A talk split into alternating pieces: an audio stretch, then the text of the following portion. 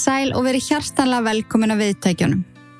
Inga heiti ég Kristjánsdóttir og þeir eru að hlusta á Ílverk. Hlaðvarpið sem hefur svala forvittni Íslendinga um sannsöguleg sagamál síðan 2019.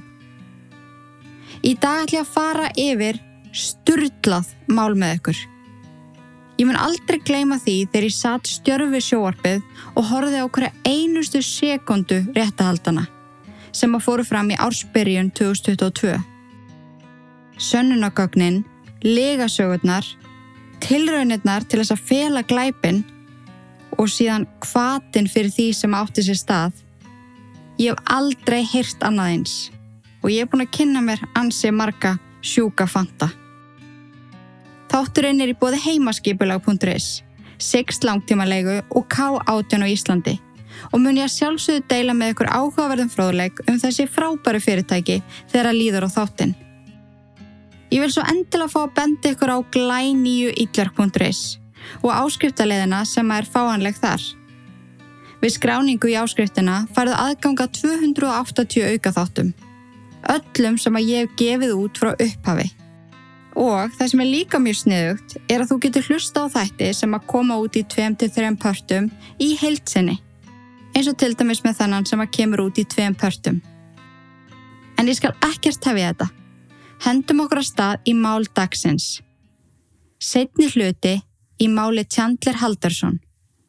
Ungi maðurinn sem að laug sig út í horn.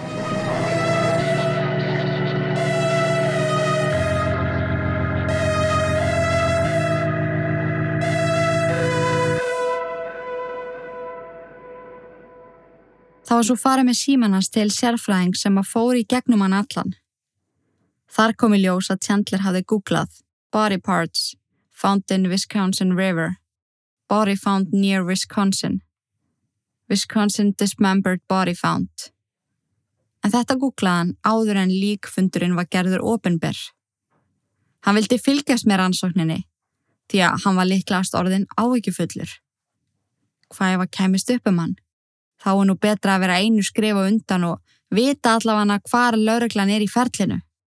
Hann ringir líka ítrekkaði lauruglu til þess að spyrja um gangmála. Afhverju það væri svona margi lauruglubílar fyrir utan húsið hans og hvort eitthvað hafi fundist. Hann ringdi stundum 54 sinum á dag á meðan húsleita á heimilan stóð yfir. En það var líka förða að sjá SMS-unu sem að Krista sendi Chandler þann 4. júli en í því kom fram að þau varu komin á leiðarenda og hvenar þau ætlaði að koma aftur heim. Þetta SMS var alveru, sendt úr hennanúmeri í síma tjandler. En laurugla fekk þó fljótlega svar við því, eftir að húsleit hafði staði yfir í nokkra daga. En inn í bílskur, undir hári hillu og vann í skó sem var búið að íta undir hilluna, fannst sími Kristu og Barst. Þeir voru vapnirinn í álpapir ásand aukaskýrtunum þeirra. Og þegar símagagnin þeirra voru skoðuð og við hvað símaturna þeir hafa tengst síðustu tíu daga, kom í ljósa þeir hafðu ekki farið út af heimilinu síðan 1. júli. SMS-ið sem að Krista sendi var sendt frá heimilinu, sem að þýðra Chandler hefur sendt sjálfin sér þetta SMS. En ok, það er svona frekar auðljóst að Chandler varð fóruldri sínum að bana. Það er allan allt sem var bendið til þess að hann hafi skoruðu nöður í búta og losa sig við líkanspartana. En laurugla vissi náttúrulega ekki hvort hann var einnaverki. En þau vissu að það var bókamál að hann var hluti af þessu. Svo mikið er vist. En það er svo galið að hugsa út í þetta. Afgrætti strákur á svona góðum stað í lífinu, í svona frábæru sambandi við fóröldri sína að gera svona lagað. Hvaða mögulegan kvata hafði hann fyrir því að myrða þau. Gæin var alveg að fara að útskrifast úr Madison College. Hann var í góðri vinnu, var á leiðin í enþá betri vinnu hjá SpaceX. Hann var að fara að flytja til Flórida með kæristunni sinni sem hann dyrkaði. Hann vann sem kafari hjá lauruglunni í Madison. En hann lendi vissulega í þessu slesi sem að vara hamlónum verulega. Getur verið að hann hafi verið svona reyður og betur út í lífið. Að hann myrsti fórildra sína í stundabrjáleði eða hafði höfuhöggir hennilega valdi heilaskaða sem að hafði áhrif á domgrendans? Nei, það er ekki svo leiðis. Ég skal segja ykkur. Ástæðan fyrir því að Chandler draf fóreldra sína, dömu mínar og herrar, er því að allt sem að ég taldi upp hér á ofan er ekki satt. Lífið hans var ein stór lega milla og pappans komst að lega millunni daginn áður en hann dó. Hann var ekki í Madison skólanum. Hann hafði aldrei unni hjá American Family Insurance. SpaceX var lígi. Hann var ekki með kavarapróf og hafði aldrei unnið með lauruglunni í Madison. Hann var ekki búin að taka á leigu íbúi í Florida. Hann var ekki búin að kaupa bíl. Og kannski það alvarlega staðisu er að hann dætt aldrei niður stega. Það var ekki daðanum. Engi verkir, engin svimi. Reyfingarnar voru ekkert skertar og minnið ekkert lélegt. Það var að sanneta allt saman á einum degi, þar sem að ekkert af þessum stöðum hafði nokkuð tíman vita að manni sem að heitir Chandler Haldarsson. Hann sagðist vera heima að vinna í tölvin út á COVID, en var í rauninni í tölvinni allan liðlangan daginn að spila tölvileiki, bissuleiki. Hann bjóti þessa legamilur þegar að foreldrar hans fóru að pressa á hann. Hann yrði nú að menta sig, vinna og borga heim þá bara bjóða hann sér til vinnu. Hvernig er þetta hægt? Í alverðinni, hvernig er hægt að halda svona líu uppi í allan þennan tíma? En máli er nefnilega, eins og ég kom inn á hérna áðan, er að Bart var komin á sporið. Hún var að fara að gruna eitthvað undarlegt væri í gangi. Af hverju fekk svona hans aldrei útborgað? Af hverju var hann alltaf blankur? Hann sagðist vera blankur af því að það var eitthvað vesen með launin. Mánuð eftir mánuð og þá saði hann alltaf Já, ég fæ næst, þá bara tvöfalda uppæð og svo spurðu af hverju er útskriftiðin alltaf að tefjast? Uh, það var eitthvað vesen, ég fekk ekki metin áfanga sem ég tók í sumarskóla. Hann lög allskunar aðstæðum til þess að halda lega miljóni áfram, til þess að friða spyrjandi föðu sinn í smá stund á meðan hann fann upp á næstu lígi. Hann bjóð til aðra grúa af gerfi e-mailum og sendi sjálfur sér e-mail sem átti að vera frá kennurum og námsráðgjöfum úr Matesson skólanum. Svo áframsendan e-mailin á pappasinn sem að tók eftir skrítnum málvöllum og veltiði líka fyrir sér af hverju starfsmenn hjá skólanum nótuðu gmail aðganga. Lisa Smith at gmail.com Það meikar ekki sens að námsráðgjöfi sem er slíkt e-mail. Chandler gekk meira svo að svo langt að breyta rötsinni og ringja í barst til þess að segja húnum frá gangmála þegar að koma skólanum. Bart fann á sér að það var maðkur í mesunni og ákveður að taka málinni í sínar eigin hendur. Hann ringir í Matisson mentaskólan og þykist vera tjandler og krefst svara. Afhverju það sé búið að fresta útskriftinni eina ferðin enn og byður um að fá að tala við eitthvað af þessu fólki sem að hann hafi verið í e-mail samskiptum við. Hann þullt upp öll nöfnin en ekkert af þessu fólki vann þarna. Það var engin Lisa Smith, námsráðgjafi, Andrew umsjónakennari, John Wacom. Allt þetta fólk var uppspunni. Karakterar sem að Chandler bjóð til og svaraði svo e-mailunum sjálfur. En Bart beður í þessu símtali um fund með námsráðgjafa og skólastjóra sem Chandler til þess að fá nákvæmlega hreint hversu lengi þetta hafi gengið á. Hann vildi vita hvar sonur hann stóð með námið því að ef þetta var allt saman lígi, þýtti að hann var ekki komið diplóma í hybridfræðum eða sólaraflöðu fræðum. Hann var ekki að fara að klára verkfræðin á mið. Hann ætlaði sér svo að fara með Chandler á fundin og fá að heyra þetta með eigin eirum. Þegar að Chandler kemi heim, ætlaði hann að ræða við hann og fara svo með hann um í skólan. En Bart merkir inn á dagatali sitt að hann hafi fengið tíma í Matisson skólanum klukkan þrjú þennan sama dag bara til þess að minna sig á það því að hann átti ennþá eftir rúmar 40 mínútur að sinni eiginvinnu. Svo sendar hann Chandler SMS, rétt fyrir klukkan 12 á hádegi, 1. júli 2021 og í því stóð I know about Marison. Þegar Chandler fær þetta SMS þá fer mægin á hann um í hnút. Maður þekkir alveg tilfinninguna þegar það kemst upp um hann. Það er óþægilegt og mann er langar að sökva ofan í jörðina. Hann hefur orðið verulega stressaður fyrir því að koma heim. Þurfti að horfa í augun á pappa sínum sem að vissi núna að hann var að ljúa með skólan. Hvað ef hann kæmist líka þessu með laurugluna, SpaceX og tryggingafélagið? Og slísið, hvað ef það kemst upp? Heimurinn hans, sem að hann hafi búið til, hrundi þann 1. júli 2021. En planið hans með að flytja til Florida var í rauninni flóttaplan. Þegar hann var í komin til Florida þá geta hann sagt að SpaceX hafi ekki gengið og hann slippi einhvern veginn við allt saman en svo fekk hann hugmyndina út frá bróðu sínum að þykjast hafa dottið. Þá þurft hann ekki að flytja og allir þess að gerfi vinnur myndu deyja út. Það bókstala eiðilaði allt að pappa hans hafi komið stað þessu. Næstu 24 klukkutímar eftir að Bart sendi Chandler SMS um að hann viti um Marison veit engin nákvæmlega hvað átti sér stað. En það er talið líklegt að Chandler hafi orðið föðu sínum og móður að bana á milli klukkan 3 og 5 þann 1. júli 2021. En klukkan 7 morgunin þennan dag þá sendi Chandler Kat þessi SMS. Ég svaf ekkert í nótt. Hún spyr hann af hverju og hvort það sé eitthvað að. Hann svarar. Ég veit ekki, hlutinir eru bara ekki að ganga upp hjá mér. Ég er bara að býða eftir að næsti skellu komi og eiðilegja allt fyrir mér. Hún sá hann um að allt er í góðu lægi og hún myndi hjálp honum. Hann svara þá, já, ég hafa bara búin að skipilega gegjaða framtíð og það er alltaf fokkin hrinja hjá mér. Klukkan 12 hádegi þennan sama dag sendir hann annað SMS til Kat. En þetta var eftir að hann hafi fengið SMS-i frá pappa sínum um að hann viti um Marison. En hann sendið til Kat. Ég heyrði mamma og pappa tala um að þau ætli upp í sumabústa með vinu sínum en þarna er að mitt talið að hann sé búin að ákveða að myrða fóröldra sína og sé þarna að byrja að undibúa sumabústaða söguna. Klukkan 10 mínútur yfir 2, 1. júli 2021, þá sendi Bartónum annað SMS. Ég er tilbúin þegar þú ert tilbúin, en þarna hefur hann líklegast verið búin að bera það undir hann að fara á fundi í skólanum.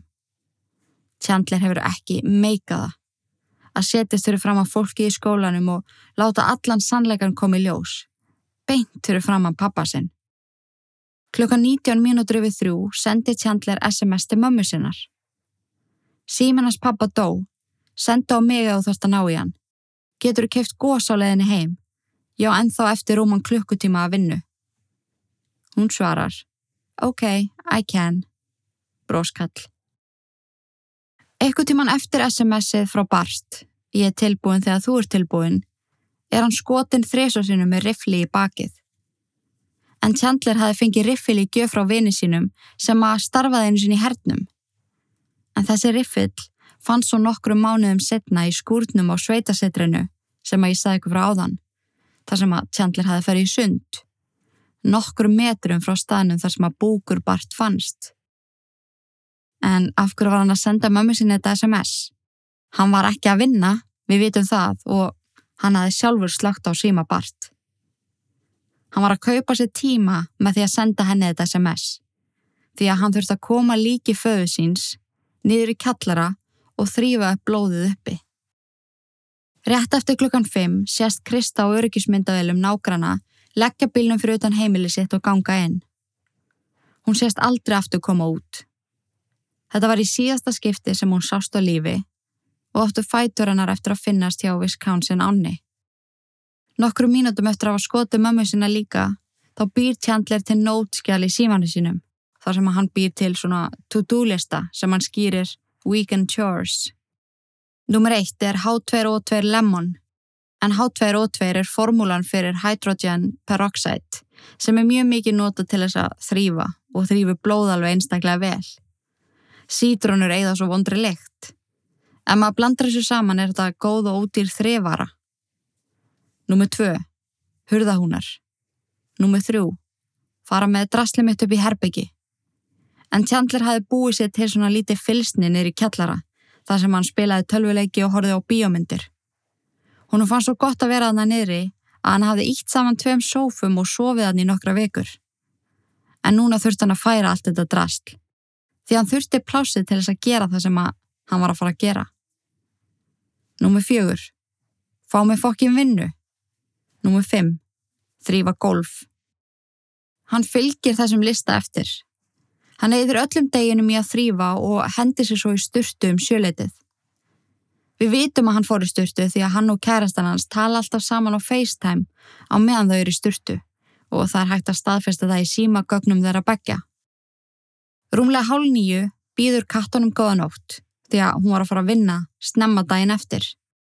Chandler segist sjálfur alltaf upp í fljótlega, sem er bull.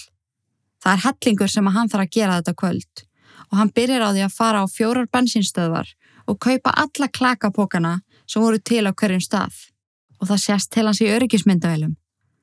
Hann fekk ekki meiri heilarheisting en það að hann getur auðveldlega borið þunga póka og sett á henni bílinsinn. Þrifi heilt hús, bæði gengið og kerst, sem að staðfestir enn og aftur að slisi var uppspunni. Hann vestar einnig stóran og mikinn plastdúk. En Chandler þurfti nóg af klaka og dúkin til þess að hlýfa golfinu, því hann var að fara að hefja það erfiða verk að búta sundur fóreldri sína.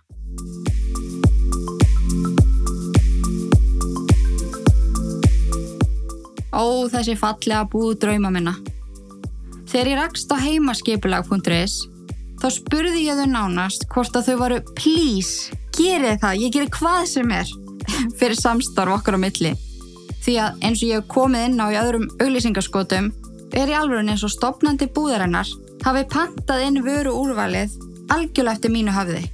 Skipulagsboks, dagbækur, pennar, túspennar, litrikar þrifurur, ílát, vassflöskur, glös með röru í öllum regnbúans litum, skarkripaboks, klakaform, alls konar áhöld. Allt hlutir sem að ég virkilega fórveik fyrir. Í síðasta auglýsingaskoti þá kom ég inn á Happy Planner sem að er eitt fallegasta vörumerki sem að ég augum litið dagbækur, límjar til að skreita þær og áfyllingar í dagbækurnar til þess að gera þær persónulegri og meira eftir þínu höfði. En í dag langaði mig að segja ykkur frá porter vörunum sem að ég vægast sagt sjúki. Þetta eru fáranlega fallegar matar skipulagsvörur og hear me out. Þær eru í pastalitum, check.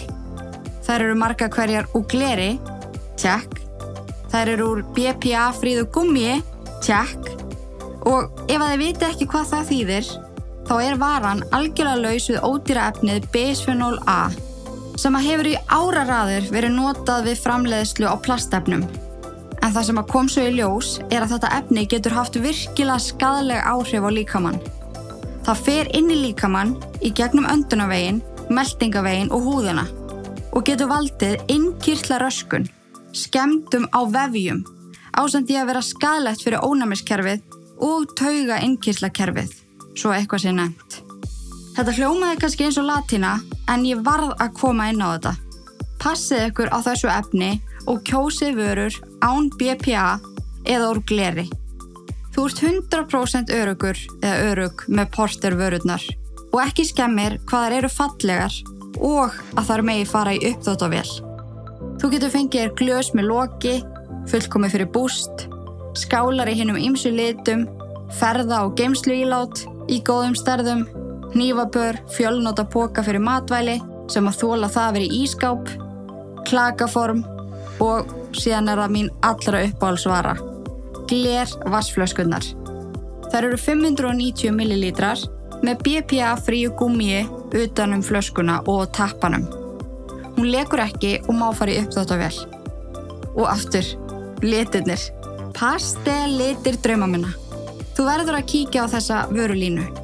Og ég er 100% viss um það að þú far skindilega þörf fyrir að skipta hennum ymsu eldursvörum sem að þú átt út fyrir þessar.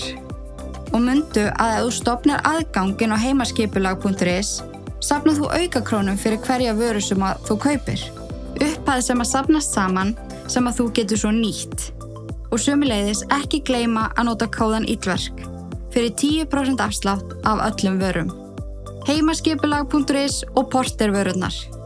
Fyrir umkörfið, hilsuna, skipulagið og augað. Jæja, Hyundai kona. Við konunnar stöndum að sjálfsögðu saman. Æ, Þetta orðagrín hljómaði betur í hausnum á mér. En ég er ekki frá því að ég hafi deilt með ykkur í síðasta auðlýsingainskoti að nú hef ég kvart bláa Bruno Capture og skipti yfir í Hyundai Kona. Í fyrsta lagi er ég ekkit eðlilega ána með hann og ég upplifi mig sem mjög mikla skvísu. Svona skvísu sem að er með allt á hreinu. Ég fatti þið típuna. Þegar þið sjáum mig á rauðum ljósum þá hugsiði með ykkur, já, þessi er að hlusta Pavarotti og er með gott fjárraksveit. Hvorugt er enda satt en ég upplifi mig klálega þannig. Í öðru lagi er ég alltaf jáfn spenntur í því að heimsækja góðu vinni mína hjá Six langtímalegu. Þannig að mann er alltaf mætt af ekkert eðlilega góðu og skemmtilegu fólki sem maður vill allt fyrir mann gera. Ég hveti ykkur til að ringja í meistarana þarna upp eftir eða kíkja á þau í kaffi ef þú ert að spója að taka þér bíl á langtímalegu. Þau munu hjálpa þér að finna bíl sem að henda þér best á besta verðinu. Hvort sem að þú ert einstaklingur, í leita bíl, stórfjölskylda eða svingari sem að þarf pláss fyrir alls konar búnað. Og ég veit reyndar ekki alveg hvort að þú þurfum mikinn búnað í það að vera swingari. En sama hvað áhugamál eða lífstíl þú kýst þér, munuðu finna bíl fyrir þig með nægu plássi sem að henda þér best. Ef þú kíkir á þau, ekki gleyma að nefna það að þú lustur á Ídlar podcast. Six langtíma lega. Díl sem að marg borgar sig. Ég er ekki að íkja þegar ég segja að K18 hafi bjargað hárunum mínu. Vörurnar eru uppfullar af hreinum, háþróðum efnum sem að hafa það verkefni að byggja upp hárið, vinna úr skemdum og hreinsa upp sapnaðan viðbjóð sem aða til að sitja sem fastast í höfuleðrinu. Aðal mununum sem ég finn eftir að hafa nota vörurnar, allavega síðan í mars, er að hárlós er algjörlega hægt. En þetta var eiginlega komið á ákveði hættusteg hjá mér þegar ég misti lúku hvert sinn sem ég fór í sturtu og þurfti bókstala að taka hár úr hárburstanum mínum nokkur svona á dag. En það vandamál er alveg horfið. Svo ég myndi klárlega að prófa K18 ef þið eru að eiga við hárlós. Og líka ef að þeir eru hormonapjesan eins og ég. Hárið mitt fær svo sannlega að finna fyrir því þegar uppbólst tími mánadarins mætir í hús. Saði enginn aldrei. Það verður skítutt strax, mér verður oft illt í hársverðinum og þá yfirlegt á sér stað auki hárlós. En K18 hefur sömulegði slagað það algjörlega. Þetta eru dýrar vörur, en það er engin horfbjóðs innihalsefni sem engin veit hvaðan koma. Þetta er alvöru, þróað af mikillir gömgefni. En, gaman að segja frá því, að Reykjavík Verhás.is býður hlustendum Ídlar podcast 25% afslátt af öllum vörum frá K18 með kóðanum Ídverk. Svo endilega, ef ykkur langar að prófa, nýtið ykkur þennan ríflega afslátt. K18. Segðu bless við klebrað hár. Takk og bless. Þegar hann er komin heim fer hann um allt hús og sapnar saman hlutum til að nota til að skera þau niður. Handsög, skæri, eldursnýfa, exi.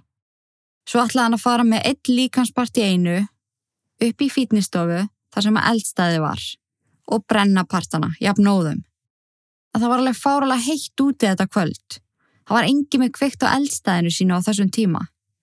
Og ekki nóg með það, heldur fóru nágrannir að finna mjög enkennilega lykt. Einn nágranni segir að lyktin sem að lág yfir öllu hafi verið eins og eitthvað var að grilla svínakjött. Ótrúlega sterk og þung lykt. Margir í nágranninu lokuðu glukkonu sínum því stippan fylgti húsin þeirra. Annar nákvæmni fór út á stjætt og horfið í kringu sig. Því að hann var vissum að ykkur væri hreinlega út í gardi að grilla heilan grís á teini. Það bara hlaut að vera, lyktin var svo gríðaleg. En hann sá ekki neitt. Fólki sem að bjó í húsinu fyrir aftan Haldursson heimilið, en á millið þeirra var svona stór andatjörn, en hann tók eftir því að alla liðlanga nóttina sá hann flögtandi ljós í glukkonum á Haldursson heimilinu. Stundu dopnaðið alveg og svo blossaði það upp. Fjölskeldan sem að bjóð þarna fyrir aftadau var blessunlega með öryggismyndavelar sem að beindu um eitt aðhaldi svon heimilinu og vídeo greininga sérfræðingur skoðaði þetta vídeo.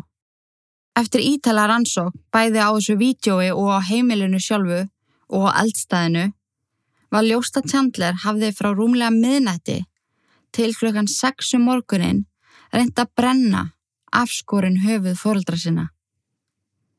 Ljósið flökti því hann leitaði leiða til þess að halda eldinum gangandi, til dæmis með viftu, blævæng, bensíni. Þegar hann heldi bensíninu í eldin, letta hann í því að eldurum varð og mikill og hann misti stjórn á honum og sprengdi eina af þrem glerhörðum á eldstæðinu. Það var svo heitt að eldurinn brætti málninguna af veggjónum í kring og hún búblaði hitanum og harnaði svo þannig. Þarna hefur Chandler gefist upp, því það er ekki hægt að brenna líkansparta í arineld. Það þarf svo miklu meiri hita. Ég var meint að lesa í svona brennslu opnum sem eru til þess að brenna lík, þá þarf stundum að nota ykkur efni og eitthvað til að hjálpa til því að það er stundum ekki nógu heitt. Þannig að arineldur virkar alls ekki. En við leit á heimilinu þá var eldstæðið skoða mjög gaumgæfilega og það hafði augljóslega verið þrifið alla ösku í burstu og nýjir viðarkuppar og dagblöðu sett hana inn. En það sem að Tjandlir fattaði ekki er að undir eldstæðinu er óp nýri kjallara þar sem að askan fer niður og þetta óp þarf að hreinsa.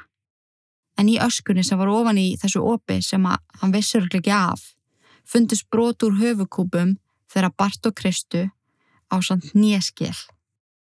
En Chandler vakti hana alla nóttina og reyndi að brenna líkansparta fóröldra sinna. Maður getur rétt ímyndið sér lyktina og hitan og hvað þetta hefur verið ógeslegt og blóðið og uff sko. En þetta náttúrulega gekk ekki hjá honum svo hann þurfti að grípa til annara ráða. En það er áhugavert að taka það fram að þarna er katt geðvett að reyna hittan. En hann forðaðist það með því að segjast þurfa að sinna húsverkum sem að fóldra hann sett honum fyrir. En hann samþekti svo að hittana um kvöldi þann annan júli árið 2021. Hann kemur líkanspörstunum fyrir í fristikistu sem að var hann fyrir en allir frostni maturinn fannst í ruslatunnu fyrir utan heimilið og DNA á báðum fóröldrunum fundust og í þessari kistu. En hann þurfti að losa sig við þau á meðan hann þreif og svo að katt geti komið og gist hjá hann. Klukkutíma áður hún kom, sendir hann henni SMS og byður hann um að koma með hydrogen, peroxide og sviffermoppu því að hann brauti orð gleði í arninum og skar sig á tonni. Katt kemur og gistir hann hjá hann en fer mjög snemma því að hún er að fara að vinna. Það var þá sem hún tekur eftir Chandler á Snapchat landakortinu á þessum einkennilega stað hjá Wiskhausen Ánni þar sem að fætur Kristu átt eftir að finnast. Restina af deginum hangir hann með katt þegar hún er búin að vinna. Fyrir út að borða með henni og lætur alveg eðlilega. Fjórði júli á þjóðtíðadegi bandaríkjana fer Chandler með katt á sveitasetu frænguðinnar og eigði það deginum í sundi og borða með þeim. Spyr þá einmitt hvort hann megi koma aftur daginn eftir og fara í sund því að hún líði svo vel í líkamannu í vatninu. Hann sendir SMS úr síma mömmu sinnar í sinn síma áður en hann vefur honum ásand síma bart og skilríkjum þeirra begja inn í álpapir og felur ofan í skónum í kjallaranum. Um kvöldið fer hann og horfir á fljóveldasýningu með katt og bróður hennar. 5. júli 2021 heldur hann áfram að þrýfa og fer svo að sveita setri frængu katt til þess að fara í sund. Hann segir Franku Katt að hann hafi fengið mjög slæma frétti frá lækni sem að er bull, það er ekki til neina læknaskíslur um það. Þegar Franka Katt fer aftur inn til sín og skilur hann eftir hjá sundlöginni, fer hann aftur að bylnum sínum, ekur honum yfir túnið að skójinum, dregur búk pappasins úr bylnum en hann hafi bundið svart reipu um hann til þess að gera verkið auðveldra og hann fer svo og felur það undir greinum og löfluðum. Frankakatt sér hann svo ganga tilbaka á skóinum, en þá hafði hann losað sér við búkin, morðvopnin og plastúkin. Og leiðin í burtu frá sveitasetrinu þá stingur hann riflinum inn í skúra landregninni, en hann losað sér þarna við morðvopni sjálft. Hann vaki svo allanóttina, aðfara nótt 7. júli og þrýfur, en öryggismyndavilar sína að ljósi í bílskurnum kveiknar sjösinnum í rúmar 6 mínútur yfir alla nóttina.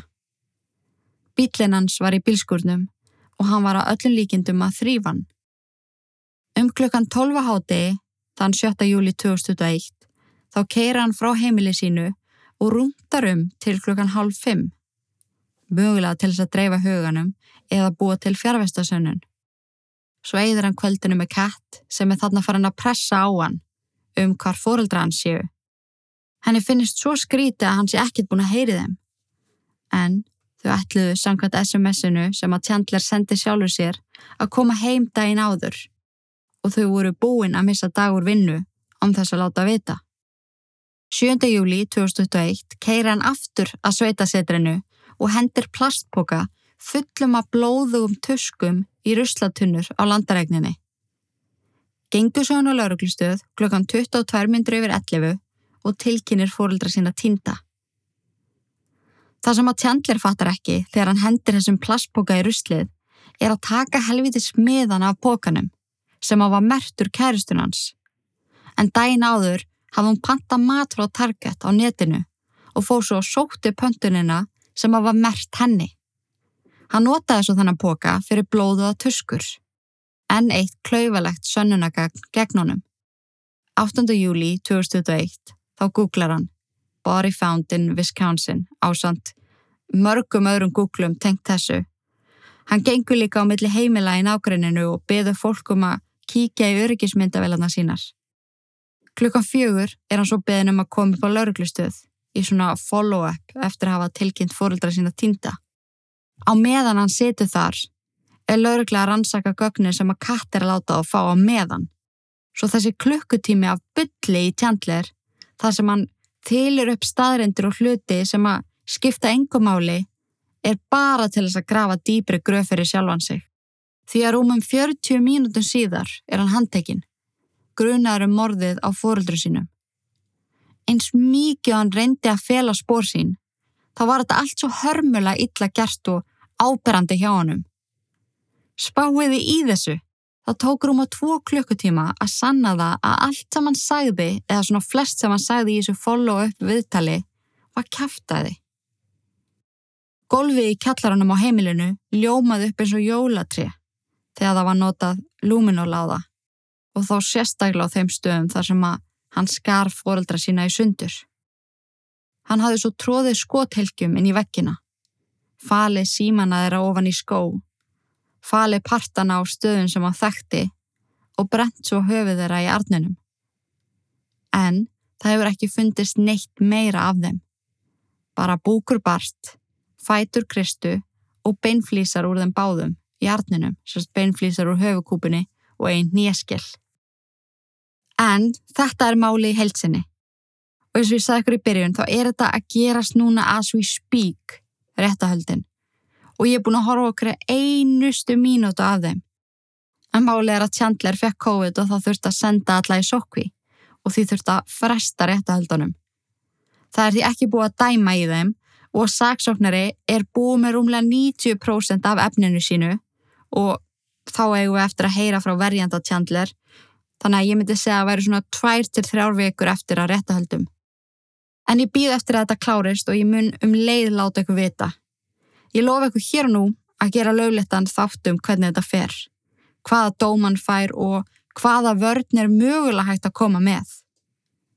En það er staðrind að þessi 23 ára gamli, ósköp venjulegi strákur laug sér hel. Hann var búin að mála sér svo innilátt í hort að hann sá ekki neina aðra laust en að myrða fóröldra sína svo hann þyrti ekki að takast á við afleggingarnar. Og ég var að mynda að spá í því áðan. Hvað ef hann hefði bara sagt þeim sannleikan? Bara frá A til Ö. Hvað er það versta sem að hefði geta gæst? Þau hefðu öruglega mökk reyð út í hann og öruglega hendunum út En Bart og Krista voru bara ekki þannig fólk að það myndi loka á hana eilífi og ég held að sé ekkit margir fóröldra sem myndi gera það. Þetta myndi alveg fyrirgeðast að loku og þetta hefði á endanum lagast. Hann þurfti svo innilega ekki að gera þetta og ég skil ekki hvernig hann komst að þessari niðurstöðu. Og ég skil heldur ekki hvernig hann ætlaði sér að láta þetta allt saman make a sense. En mér finnst mjög líklegt að hann muni fá lífstíð fyrir mömmu sína og lífstíð fyrir pappa sinn sem er 25 ár sérst 50 ár til samans, pluss ekkur ár fyrir að sundulima lík og fyrir að villa um fyrir lauruglu. Ég, sko, mér er líklegt að hann muni fá svona 50 ár og svo reynslilaust eftir 40 því að hann er svo ungur. En það verður mjög áhugavert að sjá hvernig það verður dæmt í þessu máli. En svo ég takið það líka fram, þá neytar hann fyrir þetta. En ég get heldur ekki beðið að heyra hvað hann hefur að segja en mér skilst að hann ætla að tala undir loki réttahaldana. Mögulega fara hann vægar í dóm ef hann viðukennir bara að hafa alvarlega fokkað upp. Hann hafi bara ekki séð aðra leið í staðan fyrir að reyna að ljúa meira. En já, eins og ég segi, ég fylgjast með og mun láta ykkur vita hvernig allt er að fara í máli Chandler Haldarsson.